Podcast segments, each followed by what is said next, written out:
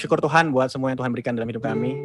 Kami tahu kami hari ini ada sampai hari ini semua karena kemurahan-Mu, karena kasih karunia-Mu Tuhan. Banyak hal yang tidak layak kami dapatkan, tapi Kau berikan pada kami.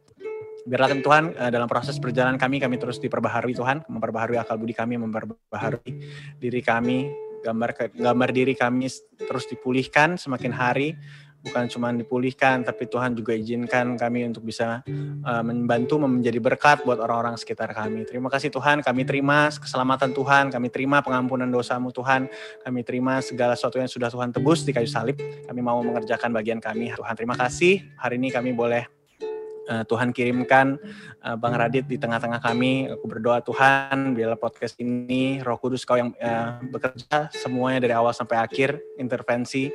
Kau uh, ada di di lidah Bang Radit, di balik lidah kami semua, sehingga semua yang kami bicarakan, semua adalah suatu hal yang menyenangkan Tuhan. Terima kasih banyak Bapak, aku berdoa buat siapa pun yang sedang mendengarkan podcast ini Tuhan, biarkan mereka juga boleh membuka hati mereka, sehingga setiap obrolan, setiap sharing, setiap firman bisa mengubahkan hati kita semua. Terima kasih banyak Tuhan yang siap podcast, yang semangat, katakan Amin. Shalom semuanya. Halo. Baik, luar biasa, Bro. Eh, ya. Kembali lagi bersama saya Dani Pangaribuan. Ayo, Munte. David Patina ya. David Lali. Samuel. Marco Nenggolan. Kembali bersama kita podcast. Kembali. Wah, senang banget hari ini akhirnya kita bisa online lagi setelah Iya, kayaknya udah cukup lama ya. Gimana nih kabar dan aman semua? Sehat bang. Abang gimana kabarnya bang? Mantap, masih online, masih di rumah kita. Puji Tuhan sama internet ya teman-teman. Walaupun masih PSBB, masih semuanya kita masih bisa Yes. uh, bisa live lah, bisa take. Nah hari ini hari ini kita kedatangan uh, narasumber yang Tuhan kirim. Seperti biasa sebenarnya tuh Tuhan kirim satu-satu kan. Puji Tuhan hari ini kita uh, kedatangan satu orang yang benar-benar punya hati untuk generasi. Banyak orang bilang Pastor Gram, ya orang bilang abang, kakak, tapi kita tanpa berlama-lama lagi kita kenalan yuk. Bang Radit, Weh, Halo. Bang Radit, welcome Bang. Halo, Welcome. Bang. Kembali pulang sadap ini. Ya, thank you Bang. Anyway, buat waktunya boleh meluangkan waktu sama-sama kita. By the way, bro, by the way kan kalau kasusnya kembali pulang tuh ada anak sulung, ada anak bungsu. Hmm. Yang babinya yang mana, bro? Babinya kebetulan hari ini Pertanyaan bagus tuh, pertanyaan ya. bagus. Kebetulan hari ini nggak ikut online kan. Ya, luar biasa. Wah, jadi nggak sabar kan pasti kan kita mau ngobrolin apa hari ini gitu. Nah, anyway, sebelum kita jauh lebih banyak nih Bang, boleh Gue ada satu pertanyaan dong bang. Oh, boleh boleh boleh boleh. Dani dulu. Bang Raditya, nih gue ada satu pertanyaan bang. Dari lubuk hati gue paling dalam nih bang. Yes. Panitia Oloan ya. Iya nih Raditya pertanyaan yang ya. sangat sangat sangat sulit nih bang. Dari dulu gue bertanya-tanya. Kira-kira pertanyaan gue nih adalah gini bang. Siapa pemain Chelsea terhebat sepanjang masa? Radit. Susah kan? Oke, panjang masa. Panjang masa, ayo. Kita rekod nih Gol bang. terbanyak, gol terbanyak sih Lampard, Frank Lampard ya. Weh, berarti gila lu jatuh di bang. Sama sih jawaban gue juga sama sih. Jawaban gue juga sama sih. Oke. Ada karismanya ya, ada karismanya. Iya. Gol terbanyak dia. woi. Main safe dia karena lagi pelatih Frank Lampard. Wah, Lampard ya. Jadi udah terjawab ya Dan ya. Udah terjawab. jawab, hati gue tenang. Oke oke oke oke. Oke, oke. Anyway, Bang, kita mau kenalan dong, Bang. Mungkin kan eh, ada banyak pasti yang udah banyak kenal Bang Radit. Maksudnya tahu Bang Radit diberkati lewat semua apa yang Bang Radit share. Eh, segala prosesnya bahkan hal-hal yang sangat pribadi pun kayaknya saya gue juga udah tahu bang dari semua hal yang lo cerita gitu maksudnya eh, itu luar biasa banget gitu kayaknya nggak ada deh orang yang sampai setransparan itu gitu jarang dan jadi maksudnya eh, buat teman-teman di sini mungkin dengar tapi belum pernah tahu nih siapa sih Radit Radit Radit Olwan siapa boleh bang ya Ya, Kenal boleh dong. Secara lengkap. Thank you bang.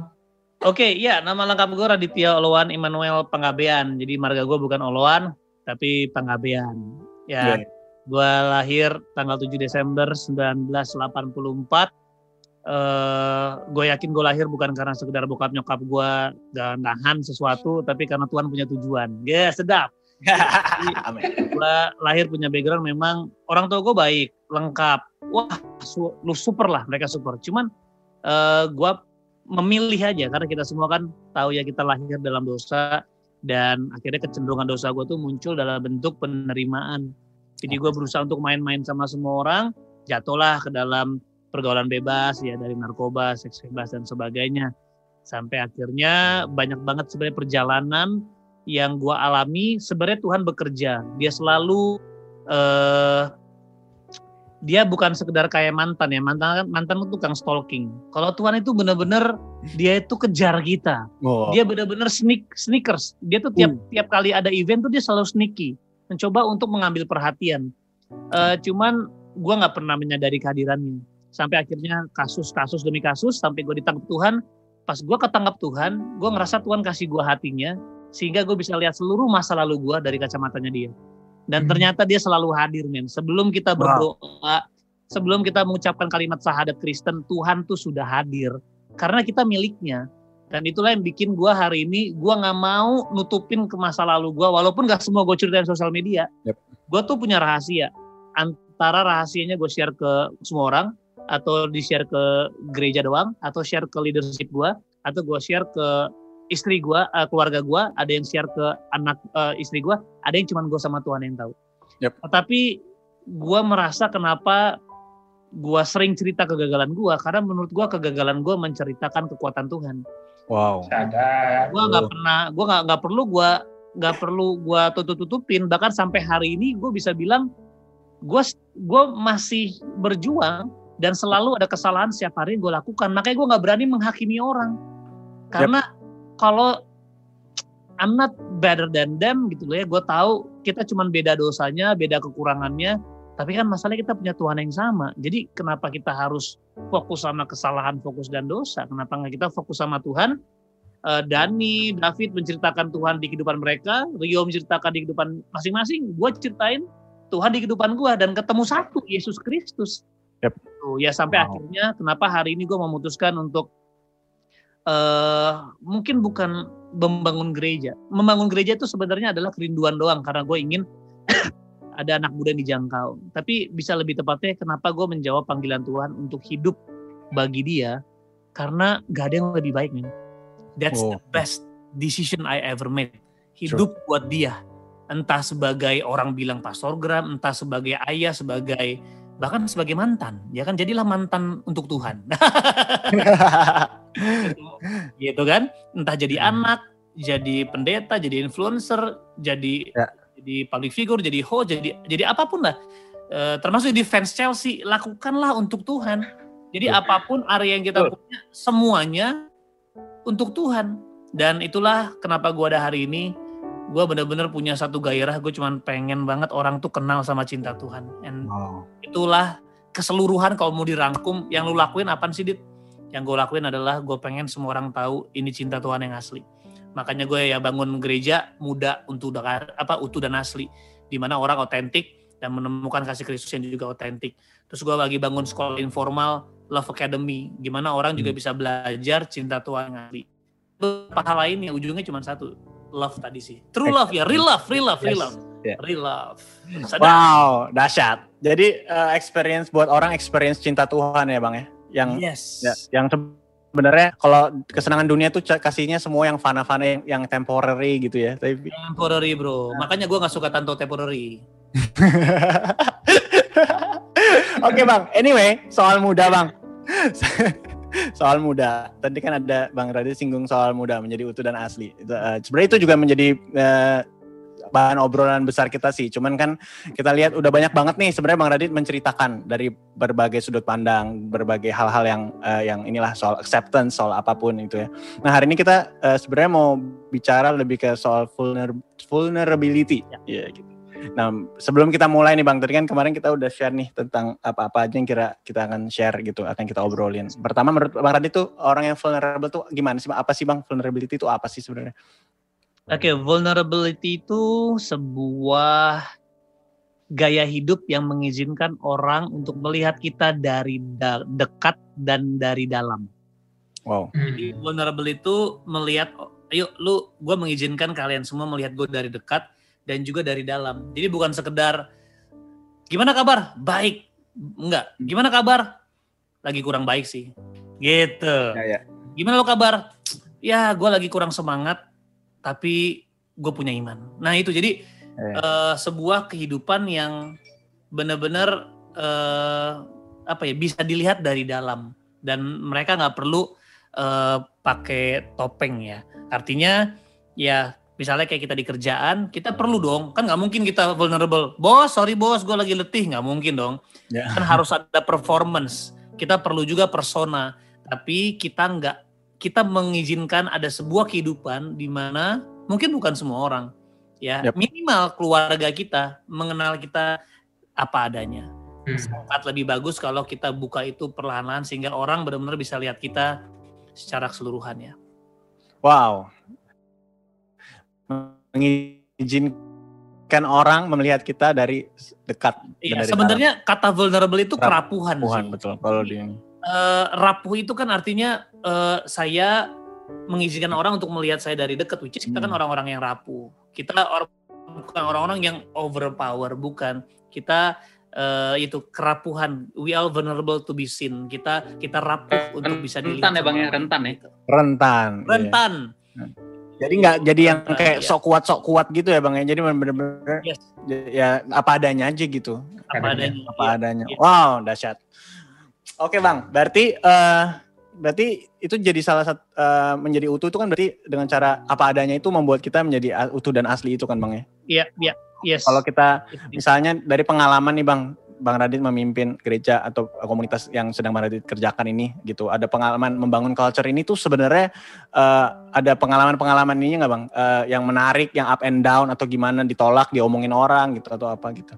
Iya. Gimana? Sebenarnya apa yang gue bangun tuh nggak pernah SI plan ya karena wah, ceritanya nih jikal bakal muda terjadi karena dua orang yang memakai narkoba bertemu yaitu gue dan sahabat gue is Sinapi ya jadi Ah bener kan? eh, gua gua ketangkep tapi Tuhan bebasin gua. Kenapa gue bilang Tuhan bebasin? Karena jelas tes urin gua itu negatif padahal gue lagi make.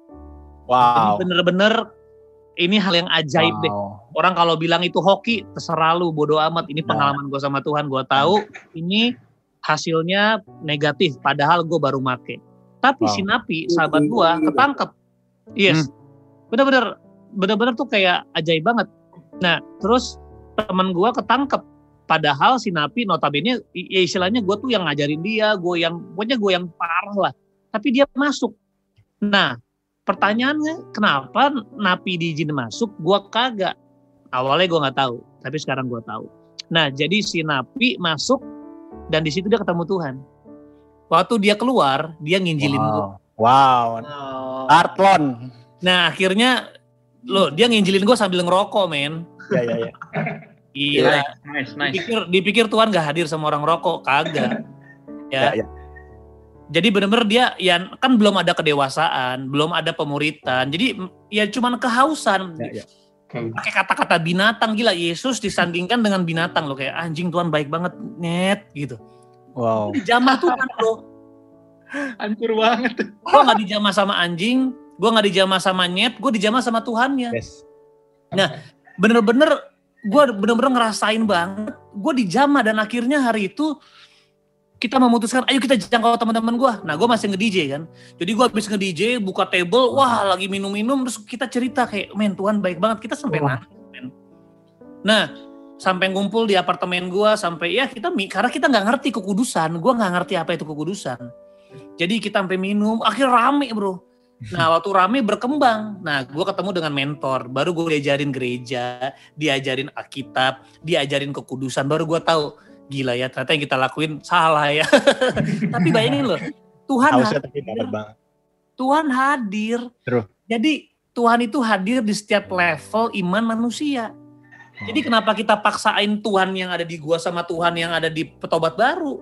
Ya, ngapain gua paksain pertobatan gua sama Tuhan dengan dengan misalnya eh, Pastor Philip atau Pastor Ariel, Pastor Gilbert nggak perlu. Kita cuma perlu menyatukan satu persepsi bahwa Tuhan baik. Udah itu aja. Dan dia pengen mengubah hidup kita. Ya udah sampai akhirnya eh, dimulai dengan kesaksian. Nah, makanya gue suka banget. Gue di tempat ini gue kayak gue udah apa adanya. Ada kalian jadi lebih apa adanya lagi kan. Nah jadi eh, di situ kita banyak kesaksian karena gue belum bisa khotbah jadi cuma kesaksian doang kesaksian wah bertumbuh bertumbuh main kita dalam waktu setahun itu komsel meledak sampai 38 komsel yang isinya bukan karena gini yuk kamu harus bangun komsel. Enggak. Itu benar-benar orang main ke komsel ketemu Tuhan eh gue pengen bangun komsel. Itu benar-benar meledak banget dan isinya cuma kesaksian. Isinya cuman ayo kita lihat di mana Tuhan di hidup kita kita bersaksi. Ya tentu ada firman Tuhan yang kita coba diskusikan. Nah, di situ kita lihat gila ya ternyata keterbukaan itu benar-benar awal sebuah pemulihan. Nah, makanya kita punya statement pertama keterbukaan awal pemulihan. Jadi yang gay, yang masih make, yang masih apa, mereka bersaksi di depan dan nggak berapa lama mereka disembuhin. Wah, itu keren banget. Wow. Itulah Wow. jikal bakalnya sampai akhirnya si muda ini ada. Muda ini bisa dibilang eh, keterbukaan yang lebih dewasa. Kalau dulu kita terbuka, wih, gua masturbasi 38 kali sehari. Waduh, seperti ekstrim. Jadi agak ekstrim. Bener-bener dibawa pacarnya ngaku depan umum, ya gua nge-seks sama dia tuh bisa, waduh, kayak kalau sekarang gua denger, aduh, kayaknya kayaknya over deh ya gitu ya. Brutal. Jadi tapi diproses lah. Akhirnya sekarang kita tidak menghilangkan esensinya bahwa bener keterbukaan itu awal pemulihan. Cuman nggak harus di depan umum, nggak harus di mimbar. Yang penting kasih fasilitas, at least jadilah orang yang selalu jadi tempat yang aman untuk orang terbuka seancur-ancurnya. Itu mungkin gimana kita akhirnya membangun budaya itu sampai hari Wow. Hmm. Wah, itu berarti eh, luar biasa sih Bang eh, s- apa eh, bagian eh, itu frontliner Bang ya kalau nggak salah Bang ya. Iya betul sekali. ya. Dengar ya. Hmm, luar biasa radikal. Tapi sebenarnya eh, ya benar juga sih ya eh, Tuhan hadir di mana aja gitu, Ba- bahkan ba- ya kalau kayak Bang Radit bilang lagi main nge-DJ terus bu- open table bisa orang juga dilawat juga gitu maksudnya Iya. kesentuh hatinya. Wow, mantap. Oke, next berarti kok eh, Marco ada mau tanya sesuatu. Ya nih bang, em, ada satu pepatah bahasa, bahasa Inggris bilang gini sih. You are not everyone's cup of tea. Iya. Itu artinya eh, lo itu eh, orang nggak semua orang akan peduli sama lo, gitu. Jadi eh, makanya eh, ketika kita being vulnerable atau ketika ketika kita menjadi rentan atau rapuh di depan orang, maka akan ada dua orang yang yang berbeda sisi. Sis- Satu sisi mereka yang mendukung kita, dan satu sisi orang yang nggak peduli atau bahkan ingin menjatuhkan kita. Ya. Nah, itu dia. Nah, jadi eh, gimana nih bang nanggepin? Maksudnya tan- tantangan yang bakal datang nih kalau kita rapuh, kalau kita kita kayak taruh eh, lampu terang benderang di di atas kita ke kita. Ya. Nah, itu tantangan apa bang kira-kira yang bakal dihadapi nih? Oke, tantangan yang pertama adalah eh, konsistensi atas perubahan. Karena menjadi vulnerable, kalau nggak menjadi seperti Kristus, sama aja bohong. Oh. Karena tujuan kita menjadi vulnerable adalah supaya Kristus bisa mengubahkan kita. Karena kan vulnerable membuat kita itu akan membutuhkan orang lain juga kan. Vulnerable membuat kita dengar masukan seseorang. Nah itu bisa membuat kita bertumbuh. Nah jadi pertama adalah tantangan ketika eh, lu vulnerable terus orang bilang, eh lu harus begini. Kita ditegur lah istilahnya. Nah lu harus vulnerable enough juga untuk mau ditegur. Karena kalau cuma vulnerable, oh ini gua. Nah itu sih belagu ya, bukan vulnerable ya.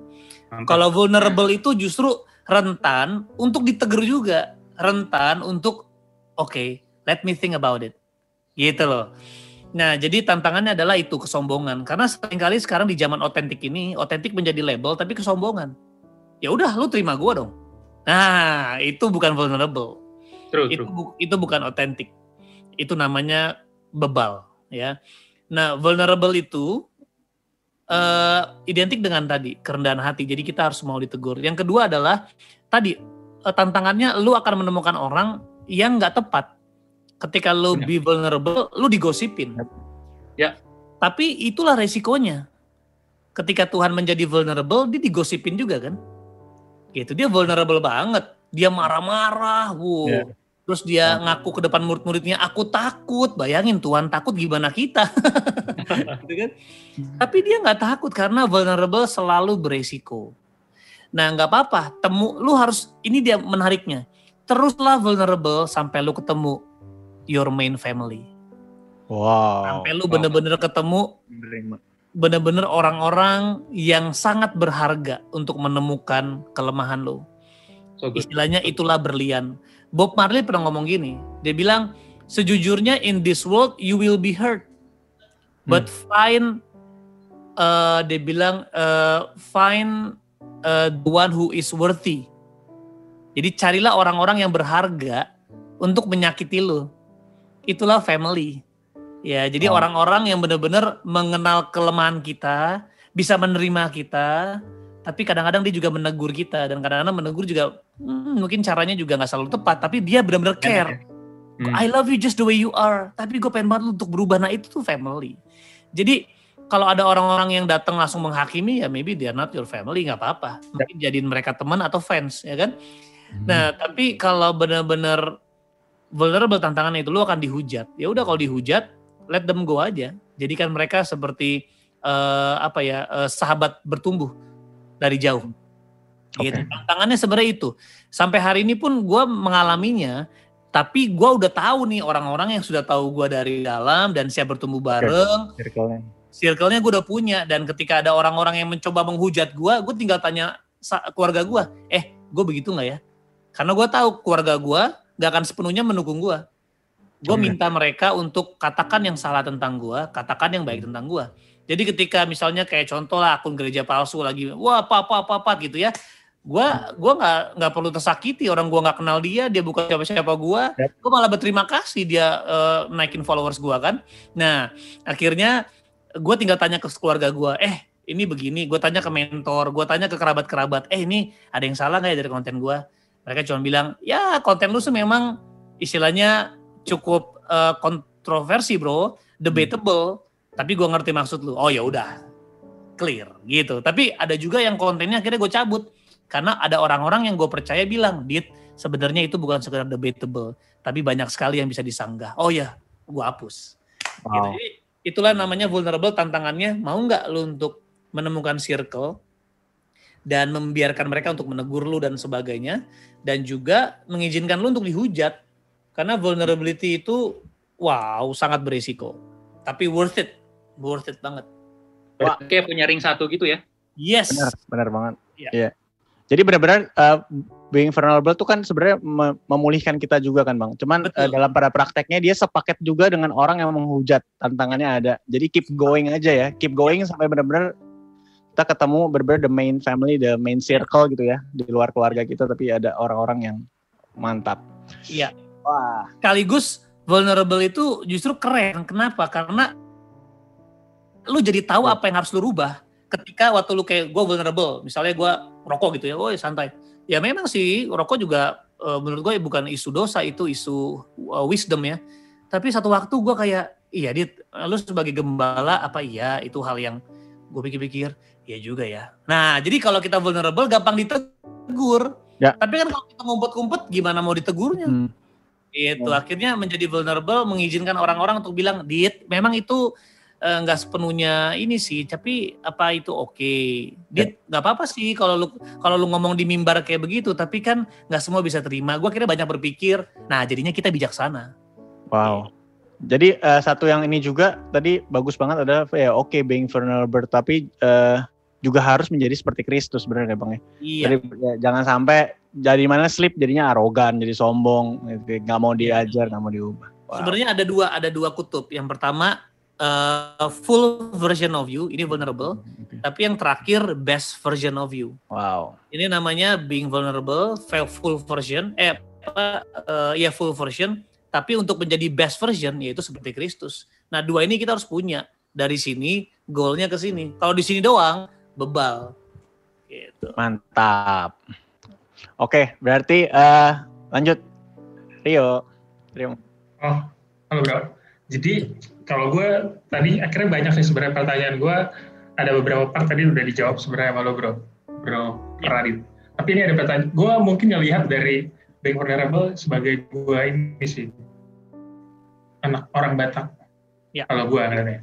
Kan kalau banyak nih orang yang hidup yang dulu atau yang sekarang hidup image palsu yang dibangun bertahun-tahun ya kan gue dari kecil misalnya gue baik padahal itu image yang dia bangun untuk jadi orang baik nah gue mau nanya sebenarnya sih sebenarnya tuh utuh dan asli itu konsep kembali ke titik nol runtuhin image yang udah ada nih atau membangun image baru Iya. yang sesuai dengan konsep utuh dan asli. Karena kan balik lagi tadi masalah vulnerable itu kan dia memang vulnerable itu untuk diri sendiri.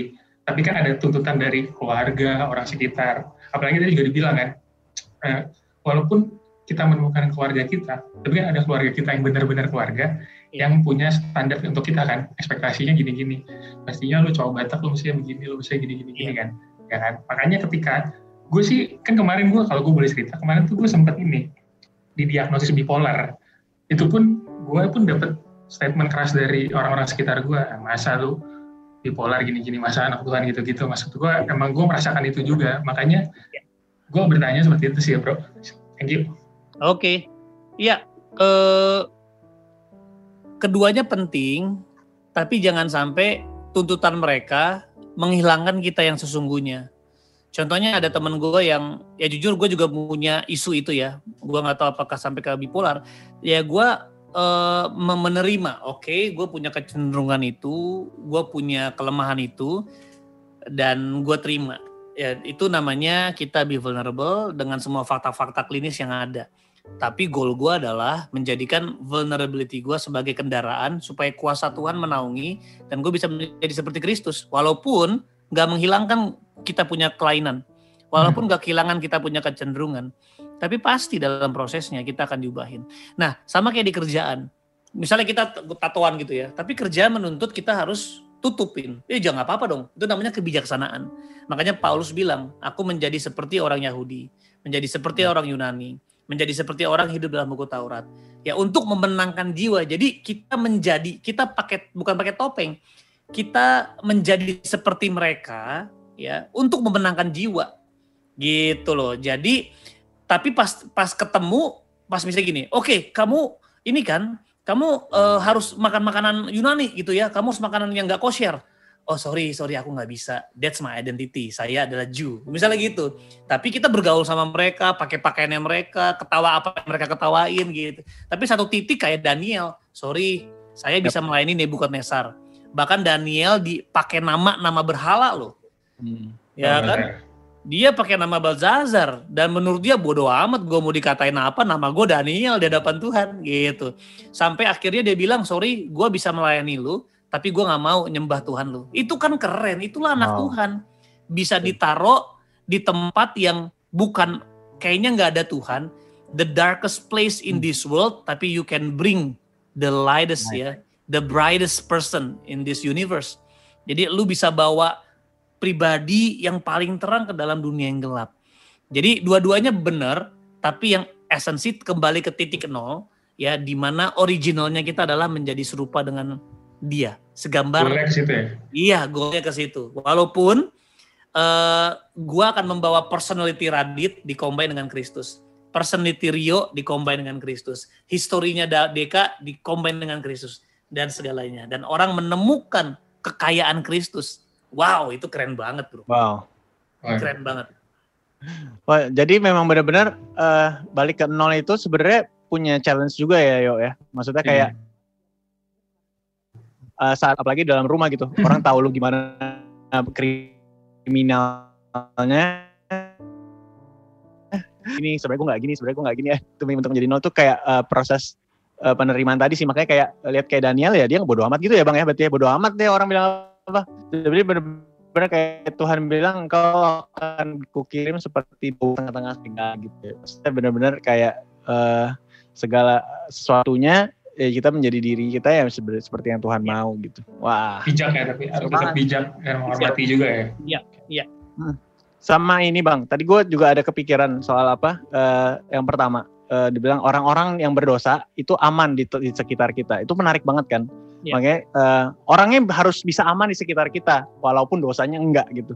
jadi jadi sering kali kita ini melihat orang cover gimana atau dengar cerita gimana, tapi kita udah langsung gesture kita aja udah langsung kayak menghakimi gitu. Yes. Jadi itu, jadi itu kayak pengalaman menarik banget. Itu gimana sih bang? Co- Contoh misalnya kayak di- orang yang sedang mengalami, eh, ya itulah misalnya image dia kayak yang Rio tanya barusan kan kayak ya mungkin dia gay, mungkin dia apa, mungkin dia apa. manage reaksi aja manage reaksi gimana waktu di Gimana gudang. kita sorry bro gue gay gitu ya. manage reaksi aja kan tuh susah kan sebenarnya Itu poker face benar kita harus belajar sih.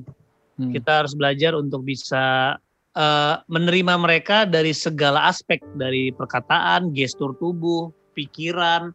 Itu harus dilatih dan melatihnya Ya. cukup sederhana. Sebenarnya latihannya adalah menyadari bahwa gestur Tuhan itu ngeliat lu gimana sih? Wow, oh, bener banget. Karena gestur yang lu percaya, yang Tuhan pakai menghadapi lu, gestur yang sama lu pakai untuk ngadapin orang lain. Wow. Jadi dengan kata lain, how you see God is how you see yourself, how see you how you see yourself is how you see others. Jadi kalau lu ngelihat bapak sebagai bapak yang pakai tongkat, lu dikit-dikit salah siap dipukul, terus ketika lu berdosa Tuhan kayak, ih, nah itu yang lu pakai juga untuk melihat orang lain. Ya. Tapi kan kenyataannya waktu kita berdosa dia malah datang, dia peluk, dia layani, dia basuh. Gila banget loh. Gila loh. Yesus membasuh kaki murid-muridnya yang dia tahu akan mengkhianati dia. Wow. Coba, kalau kita, kalau lu Ya. tahu nih, Dek, lu dikasih peng- penglihatan, Rio dan Dani akan mengkhianati kamu.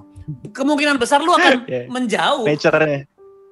Tapi ya Yesus, ya Yesus, Pak. iya, tapi Yesus malah datang ke Rio, datang ke Dani, aku mau basuh kakimu. Dan alasannya cuma satu gini, kalau engkau nggak aku basuh, engkau nggak bisa menerima sesuatu dari aku. Gila. Jadi tujuan Yesus melayani adalah supaya si Petrus mengalami apa yang Yesus alami di dalam dia. Oh. Nah itulah pandangan kita harusnya tentang Bapa. Karena Tuhan atau Bapa sangat sempurna digambarkan melalui Yesus. Makanya Yesus bilang gini, if you see me, you see God. Nah pertanyaannya sekarang, kalau lu ngomong ke nyokap lu, mah, mama lihat siapa? Lihat Tuhan atau lihat iblis? gitu. Jadi separah-parahnya kita, selemah-lemahnya kita, orang tuh harus bisa lihat gini. Dit, jujur, gue lihat lu sih broken banget ya. Gue lihat lu masih suka marah-marah, tapi jujur ya, gue bisa ngerasain Yesus dari hidup lu. Nah itu, kalau orang belum bisa bilang begitu, PR kita masih banyak. Oh. Wow. Gitu. Mantap. Jadi itu, itu, kuncinya vulnerable, bukan bukan sekedar kita nunjukin ya gue lemah, gue masih ini, gue masih itu enggak, tapi justru menghadirkan Yesus karena kita lemah, kita butuh Yesus yang jadi kekuatan kita. Oke. Oke, Sam. Sorry nih, kayaknya pertanyaan gue nggak di dalam list. Tapi hari-hari ini gue eh, menghadapi, gue tuh berada di dalam circle lingkungan. gue pernah dengar eh, hamba Tuhan sharing kalau misalkan lu menghadapi orang berdosa, ya it is fine. Orang dosa itu jangan lu jauhin.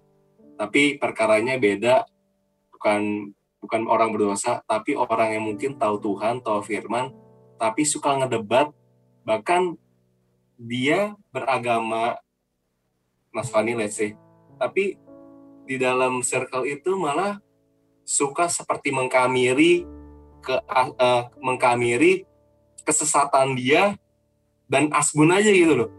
Iya. Gue berkali-kali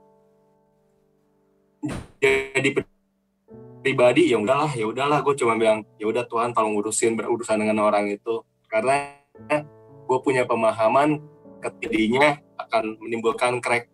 Iya. But at the some point gue kayak lumayan terbawa dan gue mencoba untuk menjelaskan gitu. Sampai gue berbicara cukup keras gue bilang. Kayaknya lu lebih cocok ketika lu berstatement seperti itu. Lu berstatement, kalau lu berstatement seperti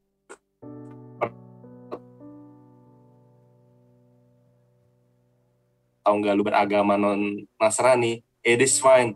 Tapi ketika lu masih masih mengaku lu nas Nasrani, tapi lu menganggap, let's say, firman Tuhan itu nggak final dibuat manusia, lu yakin lu masih percaya.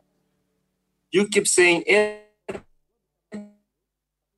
In the nggak mempunyai pengertian yang lu, lu ngerti. Lu sebenarnya lu tahu tapi dengan ketahuan asbun gitu loh dan keasbunan lu itu tuh kayak lu mengkamiri orang lain yang mungkin nggak selevel pengertian sama lu. Lu gawat men.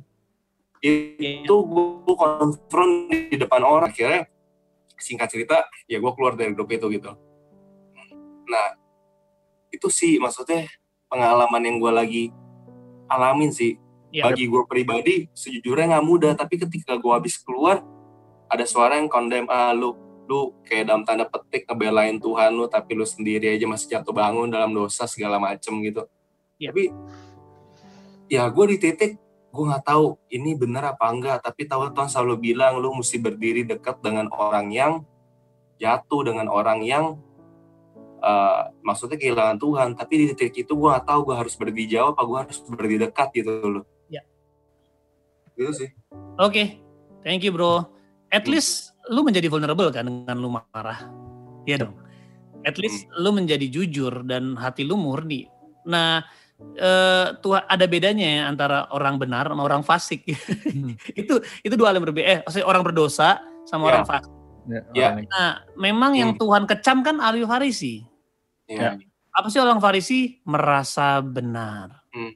Nah, satu, yang kedua kumpulan pencemooh, Ya. tukang goreng.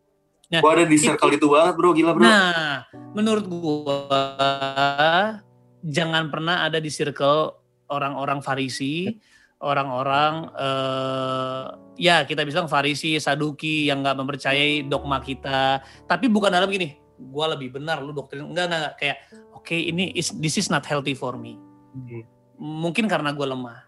Gue cari orang-orang yang mungkin eh, healthy. Healthy itu dalam arti bukan sekedar bikin doktrinal aman buat kita, tapi orang ini mengejar keserupan dengan Kristus, Christ as the center, mereka mengejar kerendahan hati, oke gua harus ada di circle ini. Walaupun mereka masih jatuh bangun, tapi mereka mengejar ke satu tempat, yaitu Christ likeness. Nah itu yang lu jadiin circle, cari. Gak apa-apa lu pindah-pindah, gak apa-apa. Tapi kalau lu udah nemuin, dan jangan pindah sekedar mereka punya kelemahan. Karena kan kesesatan bisa datang di tengah-tengah. Jadi jangan terlalu cepat juga. Kalau memang itu keluarga lu, dan di tengah-tengah berpindah, menurut gua stay harus menjadi alasan utama dan bagaimana kita bisa infiltrasi. Nah, untuk orang-orang yang punya pemahaman kayak begitu, kalau mereka stay kepada apa pemahamannya untuk diri sendiri, nggak apa-apa. Ya, itu namanya orang yang berbeda. Tapi kalau sudah mulai mengkamiri, ah, sebagai pemimpin atau orang yang peduli, apalagi kalau kita adalah core team, wah kita harus diskusi. Kalau nggak setuju, bilang ke atasan lagi karena itu yang namanya penyesatan atau eh, apa eh, ya kamir ya.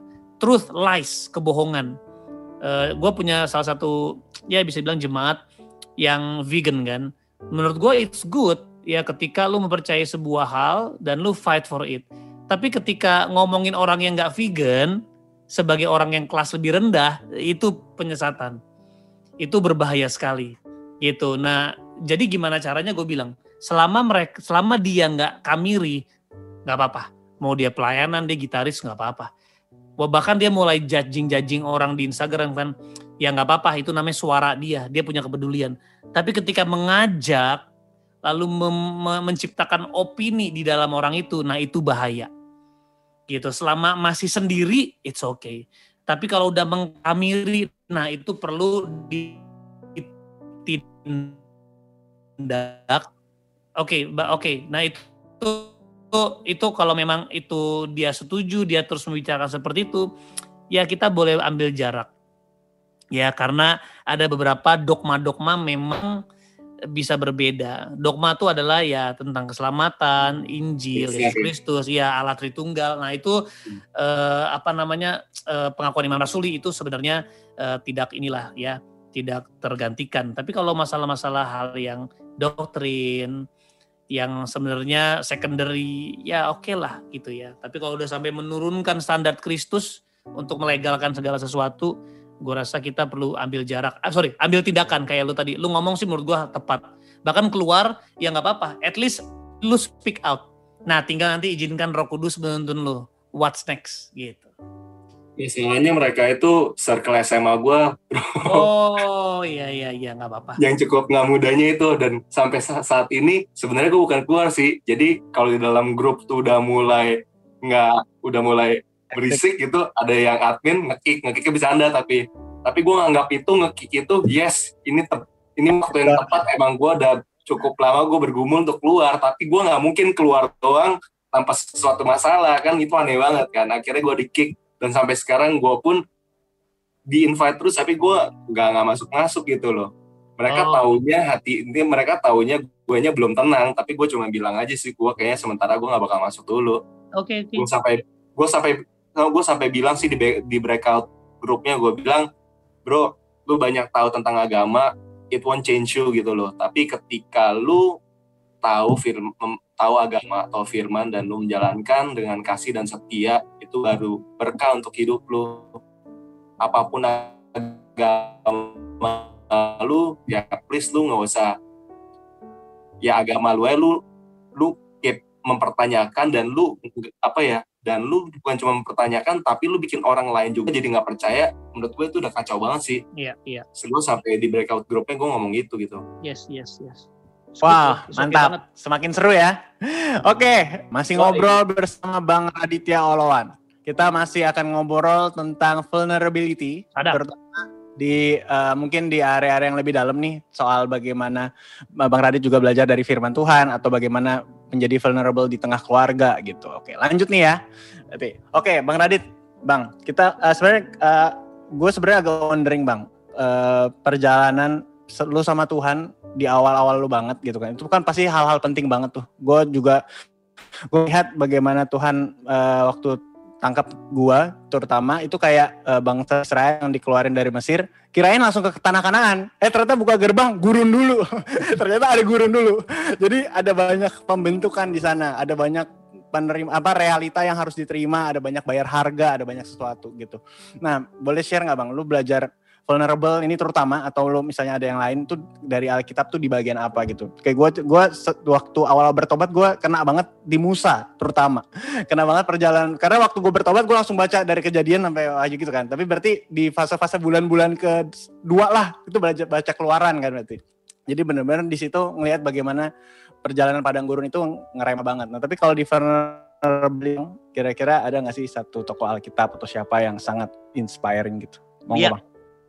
Sebenarnya dimulai dari pengalaman hidup ya. Ketika gue jadi pendeta, gue tuh langsung 2012 tuh langsung kayak ada beban tersendiri ya, beban jabatan bro. Oh. Padahal gue dari area area percabulan juga masih punya isu, area pornografi gitu gue masih punya isu. Yap.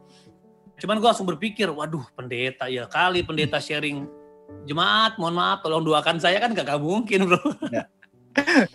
Nah, cuman di situ gue menemukan semakin gue nggak sharing, semakin bahkan sama Tuhan tuh enggak loh. Sama Tuhan tuh lebih ke minta ampun. Oke. Jadi bukan kayak terbuka gitu loh. Dan sampailah akhirnya patah-patah-patah dan gue menemukan truth di tahun 2014 itu. Gue lagi sekolah di Singapura dan menemukan kebenaran bahwa ya adalah eh, pokoknya firman mengatakan bahwa kamu sudah kudus. Nah dari situ mulai perjalanan gue tentang wah ternyata keutuhan gue adalah kudus. Nah, Artinya kan itu kan istilahnya kalau di bahasa teologi itu the, the jure kan the jure, the jure gue dikudusin. Tapi de facto kan gue masih suka nonton bokep, gitu kan? Gue masih dalam porno- eh, masturbasi. Mending gue udah punya istri, udah gratis, masih cari yang lain yang yang bodoh ya kan? Itu kan bodoh banget gitu loh. Tapi gue struggle dan gue nggak bisa lepas. Nah, kisah yang membebaskan gue salah satunya adalah ya Yesus berdoa di Taman Getsemani. Yap. Tuhan, kok mampu segitu vulnerable-nya bilang gini, Bapak kalau bisa cawan ini lalu daripadaku. Dia ketakutan loh, dia bahkan ngomong sama murid-muridnya. Nah habis itu justru malaikat datang kasih kekuatan. Nah muncullah tiba-tiba ayat dalam kelemahan kuasaku sempurna. Lalu selain Yesus, tokoh Yakub. Waktu Yakub mengakui dia Esau, hidupnya nggak enak banget. Hidup dalam kebohongan, hidup dalam pelarian, hidup dalam konflik. Sampai satu waktu dia ketemu dengan malaikat, dia berantem sama malaikat, sampai akhirnya malaikat nggak bisa menang lawan Yakub. Lu bayangin, malaikat selemah apa yang bisa kalah lawan Yakub? Nah, di situ gue dapet pewahyuan, bukannya malaikat nggak bisa menang lawan Yakub. Artinya gini, Tuhan nggak bisa, Tuhan akan seakan-akan lemah kalau lu hidup dalam kepalsuan. Wow. Makanya apa yang Tuhan lakukan, dia patahin kan, dia sikat pinggul. Itu hip, itu tular. Artinya apa? Sesuatu yang lu pegang dari hidup lu, Tuhan pasti akan patahin. Wow. Kalau itu menjadi kesombongan lu. Akhirnya waktu Yakub di pinggul paha di terplecok, terus dia bilang, Tuhan aku gak akan melepaskan engkau sebelum kau memberkati aku. Eh dia nanya nama, nama lu siapa? Apa hubungannya berkat sama nama coba? Nah, sangat berhubungan karena Tuhan hanya bisa ber, Tuhan hanya bisa memberkati Yakub, bukan topengnya Yakub. Wow. Walaupun Yakub seorang penipu, walaupun Raditya seorang seorang yang jatuh pornografi, seorang yang lemah, seorang yang punya ini, punya itu, tapi datang sama Tuhan dengan keaslian. Nah, akhirnya dia bilang, "Nama kamu siapa?" Yang tadinya kan dijawab Esau. Sekarang Ya, dia, sekarang dia bilang, "Aku Yakub." Langsung dia bilang, "Sekarang kamu bukan lagi Yakub, kamu adalah Israel." Wow.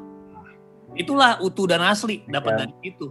Ketika lu mengakui lu Yakub, lu akan jadi Israel.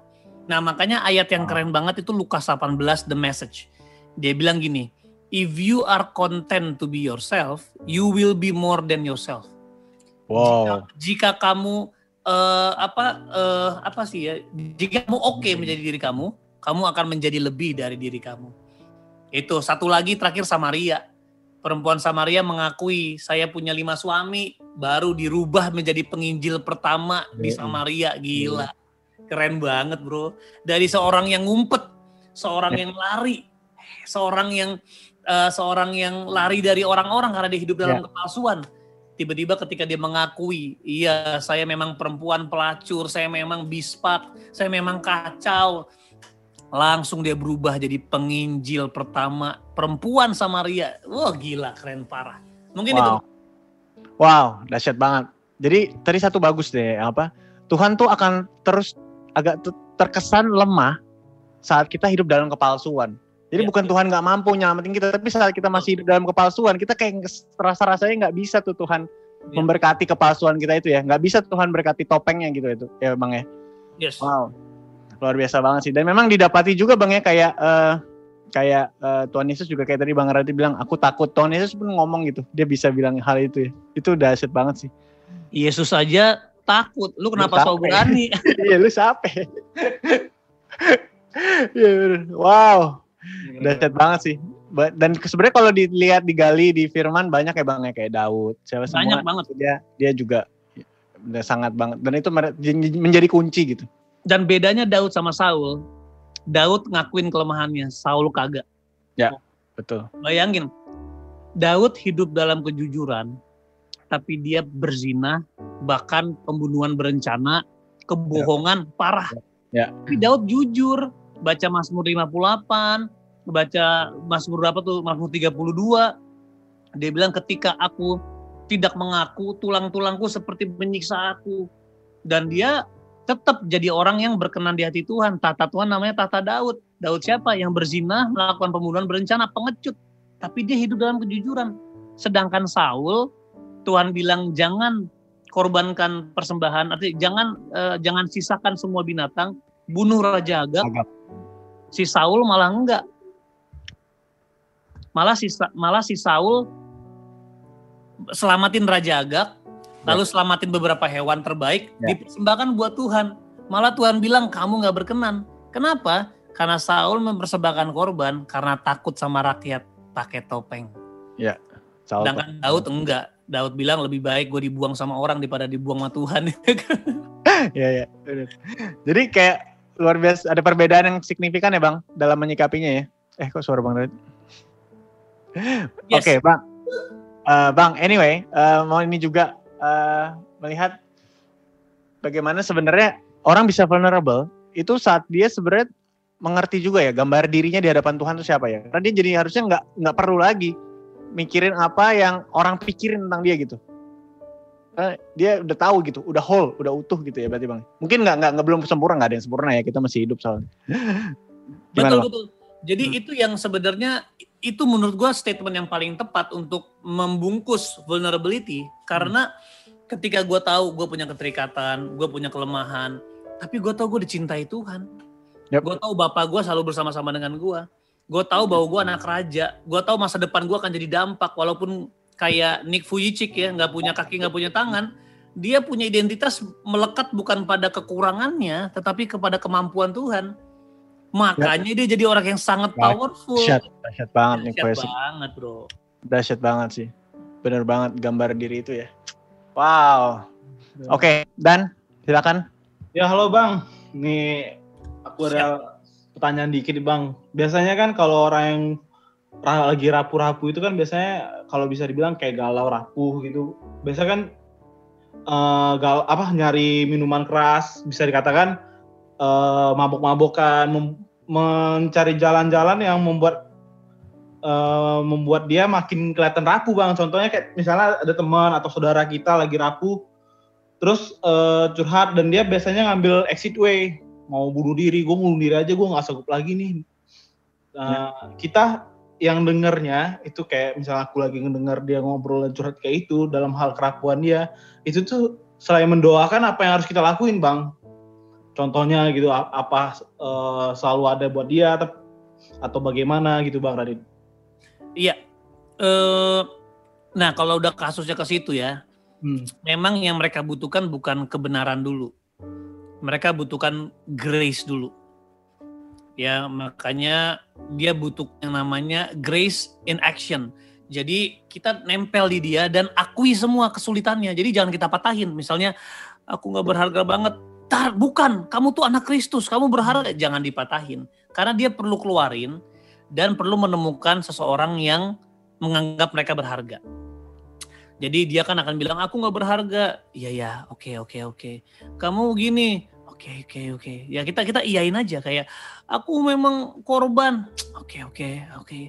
So, kita bisa bilang sorry aku nggak terlalu ngerti. Cuma aku aku yakin pasti rasanya berat. Aku begini ya saat saat udah gitu kan. Jadi kita itu namanya empati ya. Kalau simpati kan, oh iya ya, sedih ya, susulit ya jadi kamu ya itu simpati. Tapi kalau empati kita kita datang kita berbagi rasa, ceritain dong apa yang kamu rasa, aku pengen mengerti, gitu. Nah, abis itu kita bilang, yuk kita jalan bareng-bareng ya. Jadi bukal, bukan kayak, oke kamu pasti kuat. Ya nanti kalau kamu nggak jadi mati kabarin aku ya. Nah itu. gitu. Tapi kalau empati itu kita bilang, bisa bilang, eh aku tahu sulit, tapi boleh nggak? Aku akan temenin kamu deh, atas kamu jangan bunuh diri. Aku nggak tahu rasanya, aku nggak tahu kesulitannya, tapi boleh nggak aku temenin kamu? gitu. Boleh nggak kamu kamu buka hati untuk aku bisa temenin kamu? Bukan bi- bikin kamu bener, enggak. Kita temenin aja. Nah dari situ biar izinkan mereka merasakan Kristus. Nanti ketika dia, oh, ketika dia mulai ada resilience apa apa namanya resilience ya, resilience ya. Ketika mereka ada bangkit gitu, baru, eh ini truth, ini kebenaran, baru yang namanya kebenaran dalam ke- eh, perkataan. Tapi yang pertama love in action dulu aja. Baru truth in speech. Wow. Keren bang, keren bang. Ya. Jadi Tulus ya, jangan ada niat terselubung. Jadi jadi sebenarnya empati penting banget ya Bang ya kayak gitu ya apalagi Parah, parah. apalagi sebenarnya dalam kondisi tertentu itu orang lagi nggak mau terima masukan sebenarnya ya. Di dalam Iya. kondisi dia lagi suram itu semua akan mental dan dia akan cenderung bilang kita judging gitu. Yes. tapi selama abang jadi kayak menemani gitu, abang ada yang pernah baper gak sih bang kayak gitu? Baper naksir. Iya jadi tiba jadi cinglok gitu. Kinlock. Kalau yang dari Kan sharing ada satu kayak kalau kami ya di CG itu biasanya kalau yang lagi rapuh wanita itu yang nemeni wanita untuk menghindari kalau misalnya ada wanita yang kayak gini kalau laki-laki maju kan gimana gitu bang? eh, pasti ada. Gue puji Tuhan udah punya istri. Ya. Jadi gue bisa tahu itu bukan perasaan yang betul. Karena di saat orang lagi rapuh, lu masuk udah pasti baper 100%. True, true. Tinggal tunggu aja yang tadinya bapernya cuma ih dia baik ya. He's a good mentor. Sampai kepada ya Sayang. kita mencoba-coba kan gue pernah juga jadi Sayang. pernah Bisa ya, juga. Nah Chemistry, itu percikan-percikan emang. Iya, chemistry-nya pasti muncul. Nah, kita harus jaga. Makanya eh, deep conversation memang perlu sekali untuk sama yang eh, lawan jenis ya. Apalagi kalau berbau kepada eh, seksual. Jadi eh, jangan sampai jadi kamu cuma punya satu orang yang cowok yang kamu ceritain, nah itu bahaya.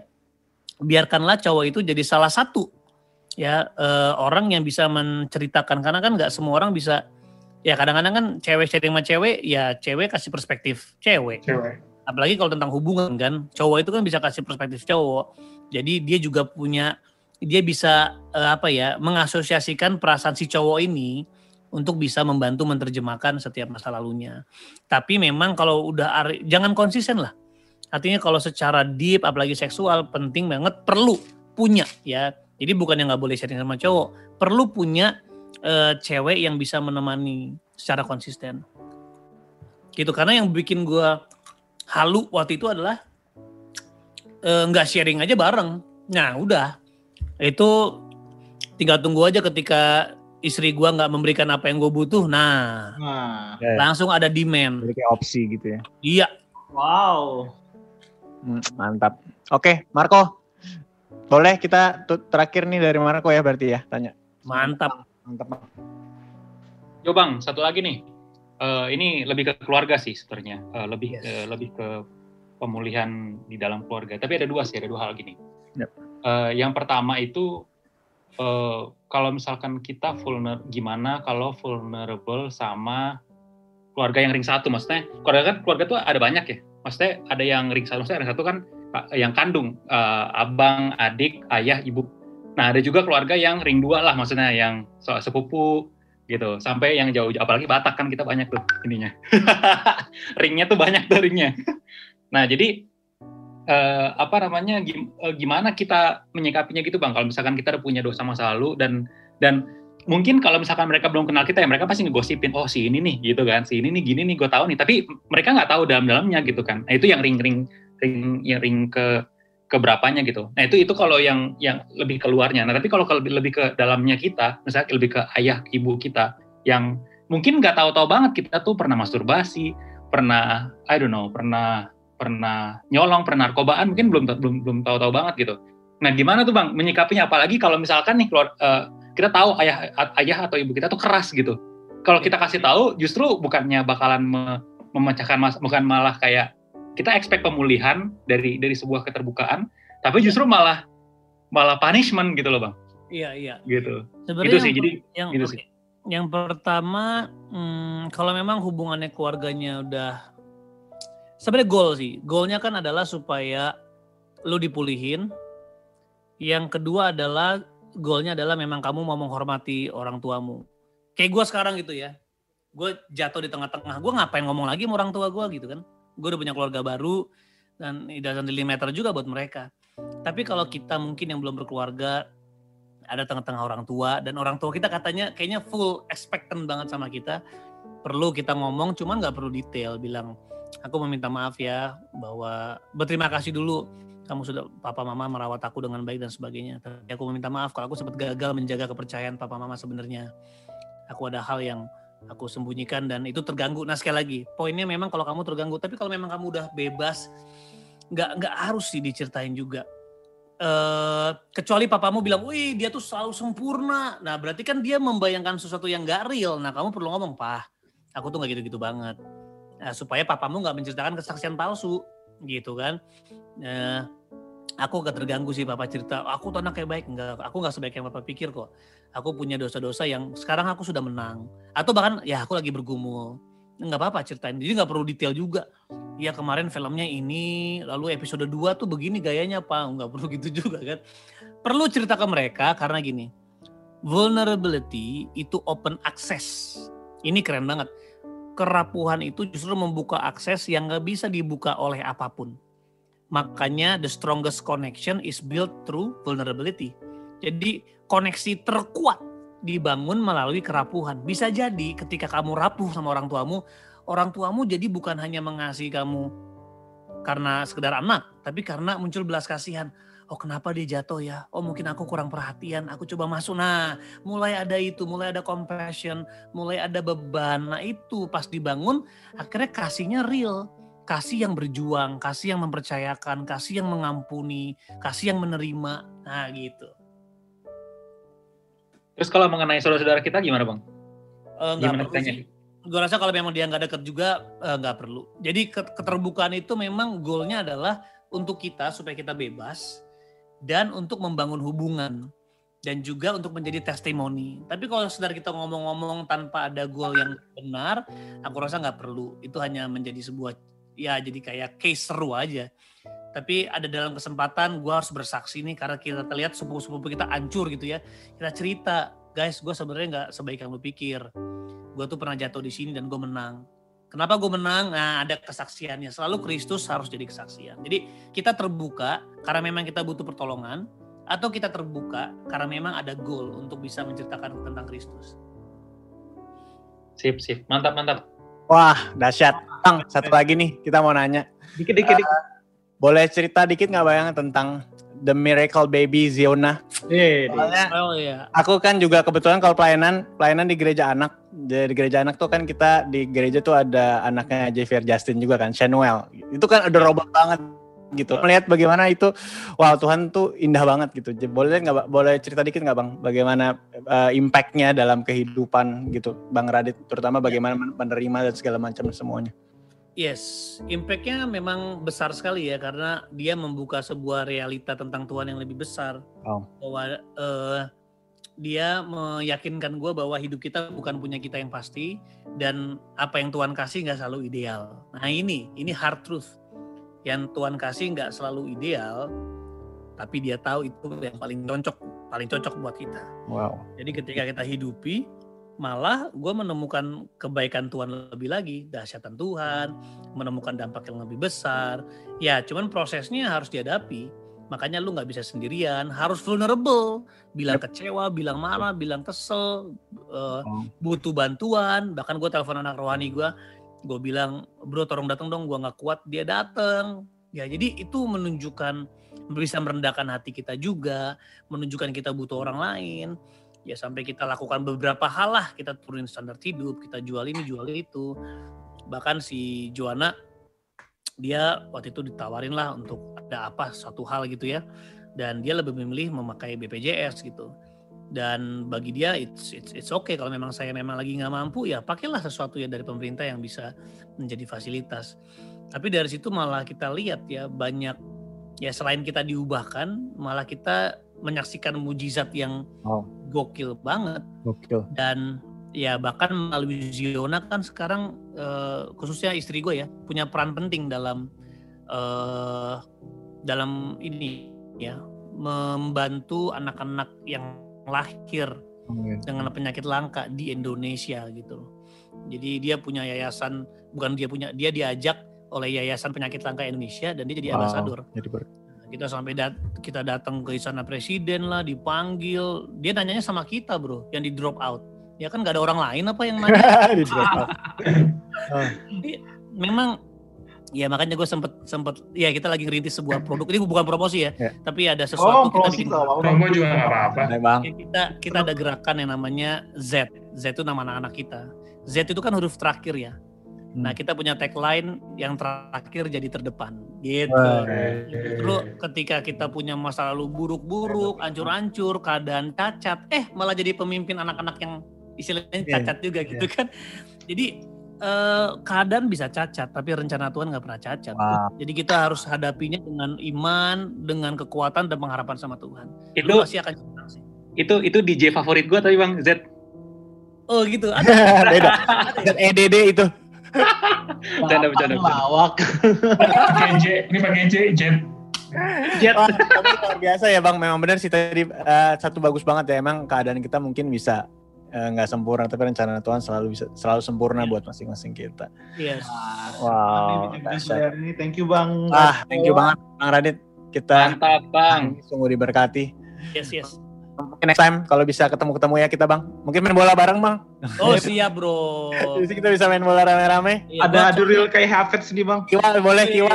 Soalnya gue kalau main tuh unik. Gue tuh kalau main bola nggak pakai kekuatan sendiri. Gue bener-bener mengandalkan gitu. Atau FIFA ya, atau FIFA. Tapi Ah, tapi posisi posisinya apa bang Radit? Kalau main bola? Gue tuh sayap kanan. Kalau- Oh, David Beckham atau ini ya? Iya, makanya kita sukanya ngumpan, mengumpan firman Tuhan. Iya. Woi, biar orang yang golin. Iya. Nih, nih, nih, nih kalau Bang Deka biasanya no look pass dia biasanya no look Woi, pass. udah lupa. Ya mainnya sama, sama Kiwa soalnya mainnya sama Nelson. Cepat dia. Anak bola semua ya di sini. Bang, thank you Bang anyway buat waktunya. thank you guys. Sangat diberkati banget. Boleh berarti eh Penutup. hmm, boleh kita tutup ya Bang ya. Boleh bantu doa Bang mungkin buat siapa pun yang dengar sekarang biarlah eh, bisa dia bisa tangkap apa yang bisa buat mereka bisa menjadi berkat buat hidup mereka. Oke Bang. Yuk, kita berdoa yuk. Tuhan Yesus, kami berdoa di dalam namamu, biar kami disegarkan lagi dengan kebenaran yang mungkin kami bawa dengan perbincangan diskusi yang sederhana, biar kebenaran firman-Mu menjadi realita kehidupan kami, biar eh, Kristus menjadi satu-satunya realita yang superior di hidup kami, dan biar apa yang kami hidupi hari ini, kami bisa menemukan selalu Tuhan di hidup kami. Walaupun dalam kelemahan sekalipun, dalam kerapuhan, dalam kehancuran, tapi biar kuasamu ditemukan oleh kami. Bapak terima kasih berkati podcast ini juga Tuhan. Terima kasih buat teman-teman yang udah berjuang untuk memberitakan kebenaran. Biar setiap orang yang mendengarkan dibebaskan dan dimerdekakan. Terima Amin. kasih Bapak, biar namamu semakin dimuliakan di dalam nama Tuhan Yesus kami berdoa. Amin. Amin. Amin. Guys. Thank you Bang Radit. Oke. Oke. Thank you, Oke, teman-teman. Sekian podcast kita hari ini ngobrol sama Bang Radit. Kita ketemu lagi di episode-episode selanjutnya.